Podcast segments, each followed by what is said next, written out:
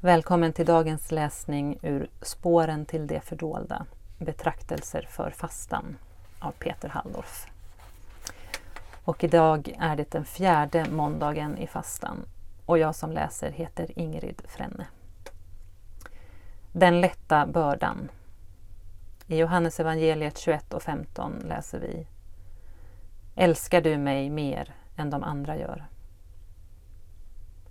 Varje frestelse är en fråga. Älskar du mig? Det gäller också frestelsen att försvara sig när man blir angripen, förtalad, förorättad. Jesu tystnad är då hans vänners väg. Inte tiga och bita ihop, men inom sig skapa en zon av tystnad, fredad från självförsvarets röst. Öknens eremiter beskriver självrättfärdigandet som den tunga bördan.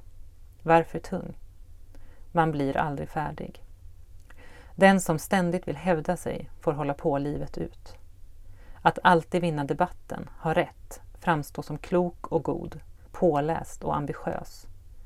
Det är ett lika tröttsamt som tröstlöst projekt. Vilken är då den lätta bördan? Korset.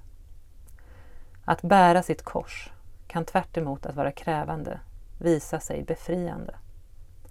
Den lätthet korset efterlämnar i själen består i befrielsen från sig själv.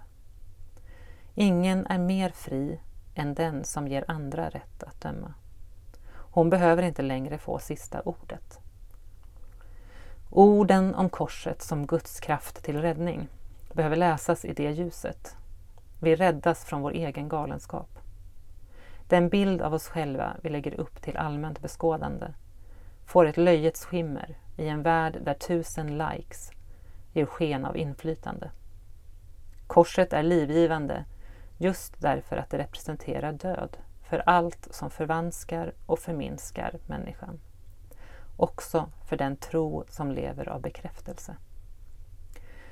Därför framhåller den andliga traditionen att fastan aldrig är mot naturen den är för naturen eftersom vår naturliga livsenergi är att älska.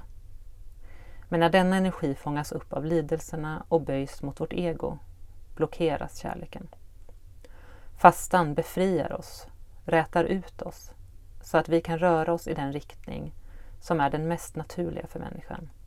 Mot Gud, mot vår nästa, för livet, för kärleken. Var gärna med i en bön. Barmhärtige Gud, kalla oss att vandra det nya livets väg. Ett nytt jag, ett nytt samhälle, en ny värld. Låt din kärlek ge oss kraft att vara uthålliga i vår fasta. Amen.